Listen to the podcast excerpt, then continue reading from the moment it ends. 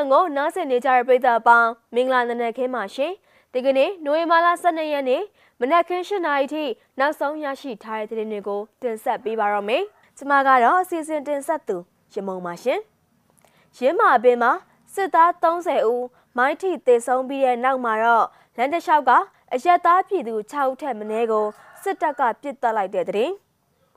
ရေစကြိုမြို့မှာပြူစောထီတင်နေစင်ဆိုသူပြစ်တက်ခံရတဲ့တဲ့ လေကြောင်းပြစ်ခတ်မှုတွေလုပ်ခဲ့တဲ့ကဏီနယ်ထဲမှာစစ်အင်အားနှစ်ဆတိုးချဲ့ထားတဲ့သတင်းတွေအပါအဝင်တခြားစိတ်ဝင်စားဖွယ်ကောင်းတဲ့သတင်းတွေကိုတင်ဆက်ပေးတော့မှာပါ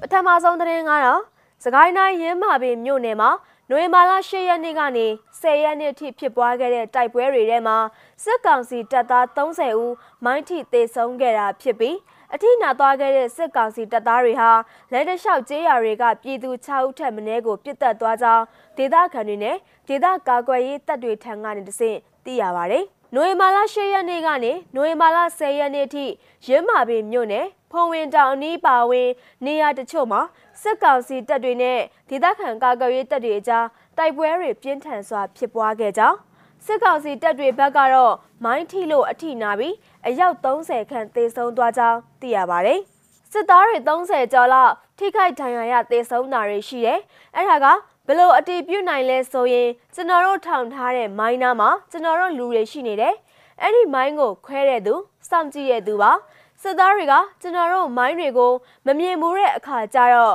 အကြမ်းဖက်စစ်ကောင်စီတွေအွန်လိုင်းကြီးတွားပြီးကြည့်ကြတာအဲ့ဒီမိုင်းကိုတွားကြည့်ကြတဲ့အခါမှာ ခွဲချပစ်လိုက်တာအဲ့ဒီအချိန်မှာဘာဖြစ်လဲဆိုတော့လက်ပင်ပြက်တဲ့သူနဲ့ခြေပြက်လက်ပြက်တွေပါတွေ့ရတယ်ရင်းမာပင်ဖက်ကနေပြီးတော့နာရေးကားတွေတနေကုန်လိုမျိုးသွားလာနေတာရှိတယ်မိုင်းခွဲပြီးတော့သူတို့ကယ်ဆယ်ရေးကားတွေနာရေးကားတွေအရေးပေါ်အချက်ပြတဲ့ဟာတွေနဲ့ခောက်တော့ခောက်ပြန်လုပ်နေတာအဲ့ဒီနေ့ကတော့တနေကုန်တိုက်ပွဲဖြစ်တဲ့အချိန်တွေပါစက်ကောင်စီဘက်ကတေတာကတော့20ကျော်လောက်ရှိတယ်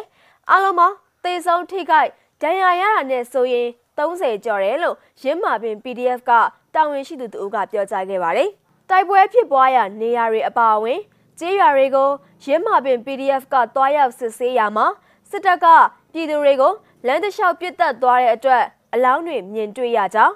ပြည်သူ6ထက်မနည်းတေဆုံးကြောင်းသိရှိရတာပါအပြစ်မဲ့အရက်သားပြည်သူ3ယောက်ကနအူးစပြီးပြစ်တက်ခံရတယ်နောက်ပြီးတော့ အဲ့ဒီနေ့ကတိုက်ပွဲဖြစ်ပွားတဲ့နိုဝင်ဘာလ9ရက်နေ့ကအပြစ်မဲ့အရက်သားပြည်သူ3ဦးပြစ်တက်ခံရတာပါ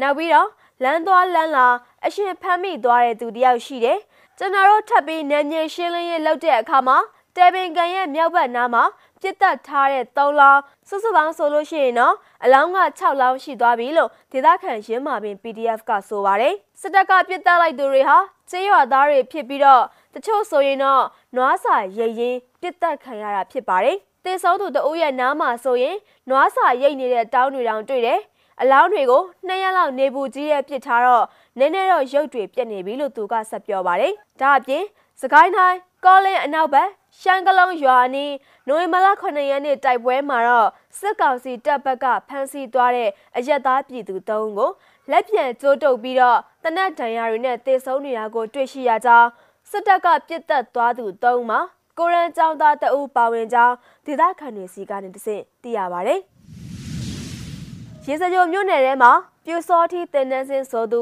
ပြစ်တက်ခံလိုက်ရပါတယ်။မကွေးတိုင်းရေစကြိုမြို့နယ်အမတ်တရက်ကွက်မှာနေထိုင်တဲ့ကြက်ခိုင်ရေးပါတီဝင်ပြူစောထီတင်နန်းစင်းဆိုသူအောင်သူခေါ်ဗိုလ်ချုပ်ဆိုသူကိုနိုဝင်ဘာလ17ရက်နေ့နေ့လယ်2နာရီအချိန်ခန့်က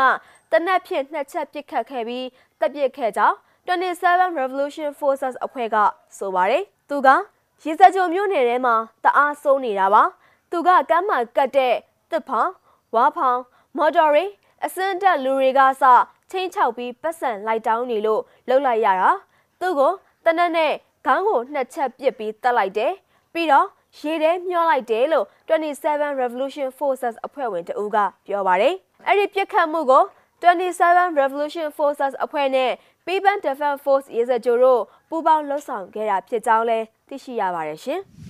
။လေကြောင်းပစ်ခတ်မှုတွေလုပ်ခဲ့တဲ့ကဏီနယ်ထဲမှာစစ်အင်အားနှစ်ဆတိုးချဲ့ထားပါတယ်။စကိုင်းတိုင်းဒေသကြီးကဏီမြို့နယ်အတွင်းကဒဇယ်ချောင်းကျေးရွာအနီးမှာနိုဝင်ဘာလ10ရက်နေ့ကစစ်ကောင်စီနဲ့ဒေသကာကွယ်ရေးတပ်ဖွဲ့တွေကြားထိတွေ့တိုက်ပွဲဖြစ်ပွားခဲ့ပြီးတော့ရွာသားတချို့ ထိခိုက်ဒဏ်ရာရရှိခဲ့တယ်လို့ဒေသခံတွေကပြောပါတယ်။အဲ့ဒီပြစ်ခတ်မှုဟာစစ်ကောင်စီဘက်ကဒေသကာကွယ်ရေးတပ်တွေဘက်ကိုစတင်ပြစ်ခတ်တာဖြစ်ပြီးတော့ဒေသကာကွယ်ရေးတပ်တွေဘက်ကတော့ထိခိုက်ဒဏ်ရာရသူတွေရှိခဲ့တာကြောင့်ပြန်လည်ဆုတ်ခွာချိန်မှာစစ်ကောင်စီဘက်ကလေကြောင်းစစ်ကူကိုခေါ်ခဲ့တာဖြစ်တယ်လို့တိုက်ပွဲအခြေအနေကိုကဏီဒေသကာကွယ်ရေးတပ်ဖွဲ့ B21 ကတာဝန်ရှိသူတို့ကပြောခဲ့တာပါစစ်ကောင်စီရဟတ်ရင်တွေရဲ့ကျေးရွာအနီး ရဟတ်ရင်နဲ့ပြစ်ခတ်နေမှုဗီဒီယိုမှတ်တမ်းတွေကိုလည်းဒေသကာကွယ်ရေးတပ်တွေကထုတ်ပြန်ထားတာကိုတွေ့ရပြီးတော့ဒီလိုလေကြောင်းလမ်းကပြစ်ခတ်မှုနဲ့ပတ်သက်လို့စစ်ကောင်စီဘက်ကတော့ပစုံတရာထုတ်ပြန်ထားခြင်းမရှိသေးတာပါ။၃နာရီနီးပါးကြာမြင့်ခဲ့တဲ့အဲ့ဒီတိုက်ပွဲကြားမှာ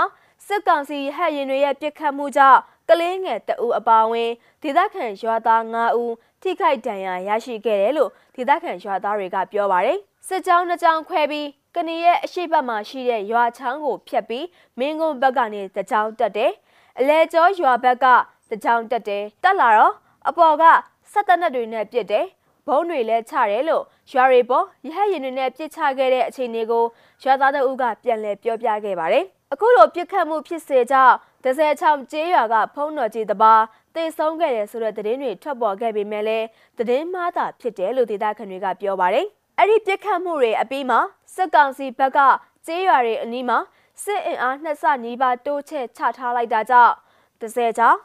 ရှမ်းမြောင်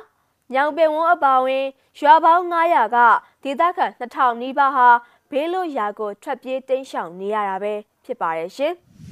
။နောက်ဆုံးသတင်းတစ်ပုဒ်အနေနဲ့စကိုင်းတိုင်းဒေသကြီးမုံရွာမြို့ လွတ်တော်ရုံအနီးမှာရှိတဲ့ရဲတင်နန်းကျောင်းကိုမုံရွာမြို့ပြပျောက်ကြားတပ်ဖွဲ့ကပစ်ခတ်ရမှာအဆောက်စစ်သားတအူတေဆုံးကြောင်းစောက်မုံရွာ PDF ရဲ့တာဝန်ရှိသူကပြောပါတယ်။နိုဝင်ဘာလ17ရက်ညနေ9နာရီခန့်မှာစောက်မုံရွာ PDF မုံရွာ Hero Group နဲ့ Generation Defense Force သုံးဖွဲ့ပူးပေါင်းပြီးတော့ပြစ်ခတ်ခဲ့တာကိုမျက်စိမှကလက်ခံရရှိခဲ့တဲ့ဗီဒီယိုဖိုင်မှာတွေ့မြင်ရမှာပါ။အဲ့ဒီစစ်စင်ရေးမှာအပြန်အလှန်ပစ်ခတ်မှုတွေရှိခဲ့ပြီးတော့ စစ်ကောင်စီဘက်က15ချက်ခန့်ပြန်လည်ပစ်ခတ်ခဲ့ကြောင်းကိုလည်းစောက်မုံရ PDF ကသတင်းထုတ်ပြန်ထားပါတယ်။ဒါအပြင်နိုဝင်ဘာလ17ရက်နေ့လယ်တနာရီခန့်ကလည်းစောက်မုံရ PDF နဲ့မုံရ Heroes Group တို့ပူးပေါင်းပြီးတော့နနဝအမှတ်9ရပ်ကွက်ပုံနမီလမ်းမှာစစ်ကောင်စီတရင်ပေးတင်ငွေဆိုသူကိုဓာဖြင့်ရှင်းလင်းနိုင်ခဲ့ကြောင်းပြောခဲ့သေးတာပါရှင်။နိုဝင်ဘာလ12ရက်နေ့မနက်ခင်း7:00နာရီထိနောက်ဆုံးရရှိထားတဲ့သတင်းတွေကိုတင်ဆက်ပေးကြတာပါကြည့်ရှုအားနိုဝင်ဘာလ12ရက်နေ့မနက်ခင်း7:00နာရီထိနောက်ဆုံးရရှိထားတဲ့သတင်းတွေကိုတင်ဆက်ပေးကြတာပါနားဆင်ပေးကြတဲ့အတွက်ကျေးဇူးတင်ပါတယ်အားလုံးပဲကျမ်းမာရှင်လန်းတဲ့တနေ့တာခရီးကိုဖြတ်သန်းနိုင်ကြပါစေရှင်